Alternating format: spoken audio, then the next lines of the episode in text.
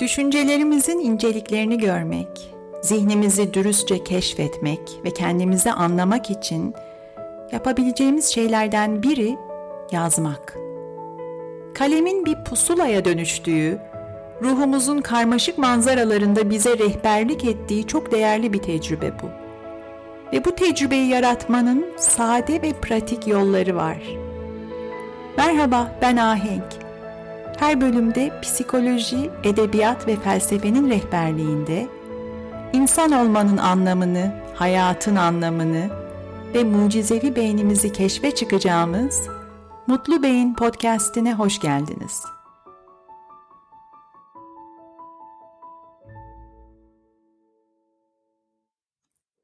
Tekrar merhaba. Duygularımızın dokusunda, eylemlerimizin gerisinde, Hayatta yaptığımız ya da yapmadığımız, yapamadığımız çoğu şeyin kaynağında zihniyetimizi şekillendiren temel bir ayrım bulunuyor. Gerçeklerle düşünceler arasındaki ayrım bu. Gerçeklerle düşüncelerimiz arasındaki ayrımı, sınırı ne ölçüde fark ettiğimiz. Günlük hayatın koşuşturmacasında kolaylıkla gözden kaçırdığımız bir sınır bu Oysa dünya algımızı, zihinsel sağlığımızın kalitesini, hayatımızı dönüştürme gücüne sahip gerçeklerle düşüncelerimiz arasındaki farkı görmek. Daha akıllı seçimler, daha doğru kararlar, daha mutlu bir hayat, daha güçlü bir varoluş için nesnel gerçeklerle zihinlerimizin ördüğü yorumları, kafamızın içinde kurguladığımız hikayeleri birbirinden ayırt etmek zorundayız. Zihnimizdeki manzarayı şekillendiren çok önemli bir ayrım bu. Sadece mutlulukla da ilgili değil, hayatın zorlukları karşısında direnç gösterebilmek, cesaret bulabilmek için de ihtiyacımız var buna. Epeydir podcast'te irade gücü, motivasyon, alışkanlıklar, planlama, zaman yönetimi gibi çeşitli konuları ele alıyorum. Aslında tüm bu başlıkların ortak meselesi bir yanıyla hepsinin cevaplamaya çalıştığı soru şu. Hayatta istediğimiz sonuçları nasıl yaratabiliriz? Hemen şimdi bugün yapmak istediğimiz, bitirmek istediğimiz bir işten belki yıllar sürecek uzun soluklu bir projeye kadar hayatta arzu ettiğimiz sonuçları elde etmek için nasıl düşünmeye ihtiyacımız var? Esas soru bu. Ve bu sorunun ilk adımı öncelikle neyin gerçek, neyin hikaye olduğunu fark etmek. Bir somut nesnel gerçekler var. Bir de bizim gerçekler hakkındaki düşüncelerimiz var. Gerçekler dediğimiz nedir? Gerçekler deneysel olarak doğrulanabilir, genellikle ölçülebilir, gözlemlenebilir ve farklı gözlemciler, farklı kişiler arasında tutarlı olan nesnel bilgi parçaları. Kişisel inançlarımızın veya fikirlerimizin dışındadır gerçekler ve bireysel bakış açılarından bağımsızdırlar. Düşünceler ise dünyaya ilişkin algımıza ve anlayışımıza dayanarak oluşturduğumuz küçük hikayeler. Bireysel inançlarımız, tecrübelerimiz, ön yargılarımız, içinde doğup büyüdüğümüz aile, sosyal çevre, kültür gibi çok çeşitli etkenlerle şekillenir düşünceler. Gerçeğe bakarız ve sonra kendi zihnimizin filtresinden geçirip yorumlarız. Diyelim yağmur yağıyor, hava yağmurlu. Bakıyoruz ve görüyoruz yağmuru. Görüyoruz, elimizi uzatırsak yağmur damlalarını avcumuzda hissedebiliyoruz. Ve bu gözlem yalnızca bize ait değil, bizim kişisel yorumumuz değil bu. Başkalarının da gözlemleyebileceği objektif, gerçek bir durum. Yağmur yağıyor bir düşünce değil, somut bir olgu. Fakat bu gerçek duruma dair düşünebileceğimiz sonsuz düşünce var. Bu durumu nasıl yorumlayacağımız tamamen bize ve bizim seçeceğimiz düşüncelere kalmış. Yağmur hakkında, havanın yağmurlu oluşu hakkında dilediğimiz gibi düşünebiliriz. Mesele de bu işte bir durum hakkında yaptığımız yorumun, bir duruma ilişkin seçtiğimiz düşüncenin gerçeğin ispatı olmadığını, gerçeğin bir yorumu olduğunu fark etmek. Düşündüğümüz her şeye inanmamak. Bu düşüncem doğru mu? Neden böyle düşünmeyi seçiyorum diye sorgulamak. Farklı bir şekilde düşünebilir miyim? Bana faydası olacak daha iyi bir düşünce seçebilir miyim? Kendimize bunları sormak. Şimdi hangi düşüncenin kime ne fayda sağlayacağı herkesin kendi bileceği iş. Herkes dilediği gibi düşünebilir. Hepimizin aklından her gün binlerce binlerce düşünce geçiyor. Nasıl istersek öyle düşünürüz, öyle düşünmeye devam ederiz. Gerçeklerle düşünceleri ayırt etmenin öneminden bahsederken hatırlatmaya çalıştığım şey pozitif düşünelim, iyi tarafından görelim benzeri bir yaklaşım değil. Önemli olan gerçekler ve düşünceler arasındaki sınırın farkına varmak.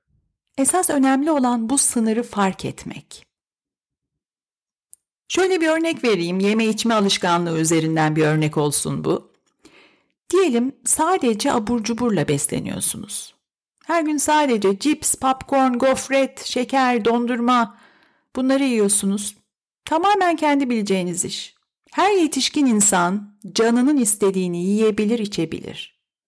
Canının istediği maddeyi kullanabilir. Her yetişkin ne yiyip içeceğine, vücuduna ne alacağına kendi karar verir ve başkalarına da söz düşmez. İşin kilit noktası şu. Bütün o abur cuburun, seçtiğiniz yiyeceklerin, içeceklerin, kısacası yaptığınız seçimin hayatınızda yarattığı sonuçtan memnun musunuz? Çok önemli bir soru bu. Yaptığım seçimin hayatımda yarattığı sonuçlardan memnun muyum? Memnunsanız ne hala ama değilseniz işte o zaman başka bir seçim yapabileceğinizi, seçiminizi isterseniz değiştirebileceğinizi fark etmek. Önemli olan bu. Düşünceler de böyle. Nasıl abur cuburla ve abur cuburun hayatımızda yarattığı sonuçlarla yaşamaya mahkum değilsek, hiçbir düşünceyi düşünmeye de mahkum değiliz. Böyle düşünmenin, bu düşünceyi benimsemenin, bu düşünceyle yaşamanın hayatımda oluşturduğu sonuçlardan memnun muyum? Yoksa esas istediğim bu sonuçları değiştirmek mi? Peki nasıl yapabiliriz bunu? Öncelikle ne düşündüğümüzü fark ederek. Bugün düşüncelerimizin izini sürmek ve düşündüğümüzü fark etmek için yazarak uygulayabileceğimiz bir yöntemden bahsedeceğim. Düşüncelerimize, duygularımıza erişmenin en iyi yolu yazarak zihnimizle bağ kurmak. Amerikalı yazar ve gazeteci John Didion'ın bu yaklaşımı çok sade ve etkileyici bir şekilde ifade ettiği bir sözü var. Diyor ki, ne düşündüğümü bilmek için yazıyorum. Yazma eylemi düşüncelerimizi ve duygularımızı anlamamıza, iç dünyamızı keşfetmemize yardımcı oluyor. Düşüncelerimiz yalnızca zihnimizde kaldığında çok karmaşık, dağınık, belirsiz gelebiliyor çünkü. Yazarken yavaşlıyoruz ve zihnimizi daha yakından görme fırsatını buluyoruz. Kendimizi daha derinden anlıyoruz ve bazen sayfada gördüklerimize şaşırıyoruz. Yazmak için, düşüncelerimizi yazmak için yazar olmamıza gerek yok. Hatta düşüncelerimizi keşfetmenin yolu kendimizi serbest bırakarak yazmak. Düzgün cümleler kurmaya çalışmadan, sansürlemeden, yargılamadan, yazarken bir yandan düzeltmeye uğraşmadan. Bizden başka kimse görmeyecek yazdıklarımızı. Daha önceki bölümlerde birkaç defa değinmiştim, tekrarlamak istiyorum. Telefonda, bilgisayarda, klavyede yazmak yerine elle yazmak daha etkili. Çünkü elle yazdığımızda daha yavaş yazıyoruz ve yavaş tempo düşüncelerimizle daha bilinçli, daha dikkatli bir ilişki kurmamızı sağlıyor. Elle yazdığımızda kalemle kağıtla kurduğumuz fiziksel bağ özellikle beynin hafızayla ilgili bölgesini uyarıyormuş. Bir başka etkisi de şu, el yazısının doğal akışı duygularımızın gelgitlerini yansıtarak duygularımızı daha incelikli görebilmemizi kolaylaştırabiliyor. Klavyeyle yazdığımızda silmek, kesip kopyalamak çok daha kolay olduğundan düşünceleri serbest bırakmak zor hale gelebiliyor. Editörlük yapmaya daha meyilli oluyoruz klavyeyle yazdığımızda. Ve belki de en önemlisi el yazısı hem görerek hem dokunarak, parmakların, elin, bileğin hareketleriyle gerçekleştirdiğimiz bir eylem olduğu için aynı anda birçok duyuyu harekete geçiriyor ve kendimizi ifade etme tecrübemizi zenginleştiriyor bu. Kısacası benim tavsiyem kağıt kalemle elle yazmanız. Ama sizin tercihiniz farklı olabilir. Tamamen kendi bileceğiniz iş. Şimdi beyninizi büyük bir dolap olarak hayal edin. Amaç dolabın içini tertiplemek, düzenlemek. Yapmak istediğimiz bu.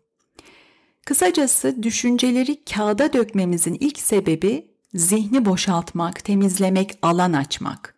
Zihnimizin kısıtlı bir alanı var. Zihinsel enerjimiz kısıtlı.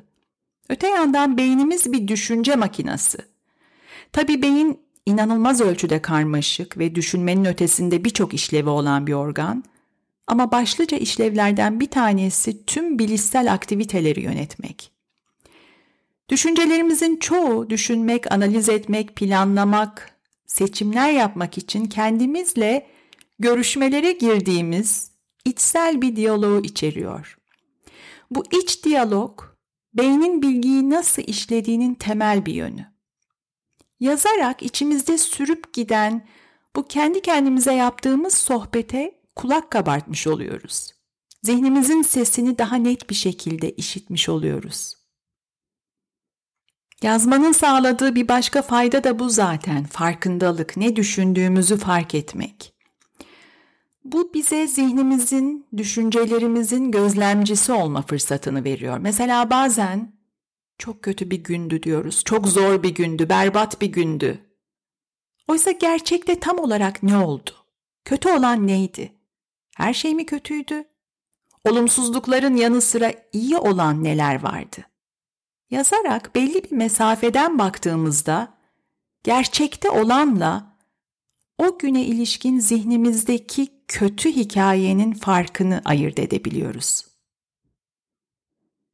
Yazdığımızda düşüncelerimizi netlikle gördüğümüzde onları daha kolaylıkla sorgulama imkanı da buluyoruz. Yalnızca bu doğru mu değil mi yönüyle değil. Allah Allah neden böyle düşünüyorum acaba? Durumu neden bu açıdan görmeyi, böyle düşünmeyi tercih ediyorum? Düşünceleri gözlemlemek bu soruları sorma imkanı veriyor bize. Hatta yazmak bir alışkanlık haline geldikçe bazı düşünce biçimlerinin sık sık tekrarlandığını görebiliyoruz. Biz farkına bile varmadan düşünmeye alıştığımız, alışkanlık haline geldiği için düşünmeye devam ettiğimiz kalıpları fark ediyoruz. Düşünceleri kağıda dökmenin zihni boşaltmanın sağladığı bir başka şey ki bence en zevkli taraflarından biri, bunun yerine nasıl düşünebilirim sorusunu sormak. Bu düşüncenin yerine başka neyi koyabilirim? Bu konuda nasıl düşünmek istiyorum? Başka hangi açıdan düşünürsem bana daha iyi gelir? Hangi düşünceyi deneyebilirim? Yazmanın, düzenli yazmanın bir başka sonucu daha var. O da yazdıklarımıza bakıp zaman içinde nasıl değiştiğimize tanıklık edebilmek. Hiç dinmeyecekmiş gibi gelen şiddetli duyguların bile nasıl değiştiğini, düşüncelerimizin, bakış açımızın nasıl başkalaşabildiğini, aslında hayatta her şeyin değiştiğini ve her şeyin geçici olduğunu görmek. Şimdi bu yazma, zihin boşaltma egzersizi için birkaç pratik önerim olacak. İlki şu. Yazmayı bir alışkanlığa dönüştürmek için ve gerçek anlamda fayda sağlaması için istikrarlı, düzenli bir şekilde tekrarlayın. Hatta benim önerim her gün. Her gün yazın. Ve mümkünse her gün günün aynı saatinde tekrarlayın bunu. Oturup bir saat boyunca yazmanıza gerek yok. 10 dakika, 15 dakika yeterli olacak. Ve bunu mümkün olduğunca zevkli hale getirin. Güzel defterler alın kendinize. Evin sevdiğiniz bir köşesini seçin yazmak için. Yazmaya otururken kendinize bir kahve, bir çay yapın. Hoş bir ritüele dönüştürün bunu. Kendinizle buluştuğunuz özel bir fırsat bu. Belki bazen sadece 5 dakika ayırabileceksiniz. Olsun. Mükemmel olmak zorunda değil. Önemli olan düzenli ve tutarlı olması. İkinci önerim şu. Her zaman rastgele aklınızdan o anda ne geçiyorsa yazmanız gerekmiyor. Dilerseniz belli bir konu seçin ve bu konu hakkındaki düşüncelerinizi serbest bırakarak yazın. Üzerinde çalıştığınız bir proje, belirlediğiniz bir hedef, bir amaç olabilir bu. Ya da kafanızı kurcalayan bir mesele. Sadece ona odaklanarak yazmayı deneyin. Gerekirse birkaç gün devam edin buna. O konuya, o meseleye ilişkin bütün düşünceleriniz kağıda dökülsün. Bakalım neler bulacaksınız, neler göreceksiniz. Üçüncü bir Sayfayı ortadan ikiye bölün. Bir tarafa hayatınızda iyi giden, olumlu, güzel şeyleri sıralamaya başlayın. Dikkat edin, beynimiz genellikle bunu yapmaya meyilli değil. Daha önce defalarca değindiğim bir konu bu. İnsan beyni tehlikelere ve tehditlere karşı uyanık olabilmek için, kısacası hayatta kalabilmek için kötüyü görmeye meyilli. Hatta psikolojide bir ismi var bu durumun, olumsuzluk önyargısı. Bu ön yargıyı yazarak aşmanın bir yolu bu önerdiğim yöntem.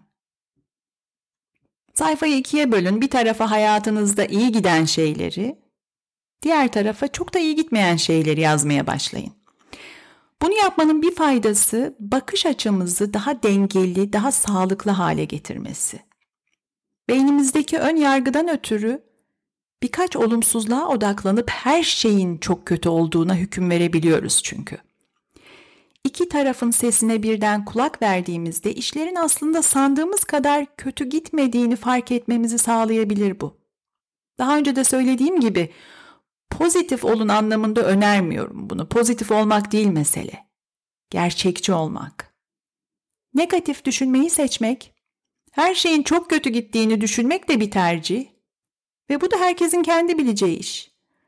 Abur cubur örneğinde olduğu gibi hayatı kötü tarafından görmenin her şey kötü, herkes kötü, bu düşüncelerle yaşamanın hayatınızda yarattığı sonuçlardan memnunsanız eğer, o zaman böyle düşünmeye devam edin. Ama değilseniz, iyi giden şeyler neler aramakta fayda var.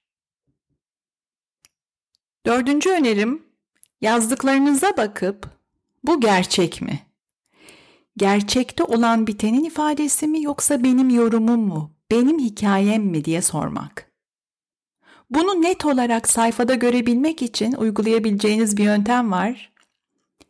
Yazdıklarınıza alıcı gözüyle bakıp yalnızca gerçeklerin, somut olguların altını çizmek.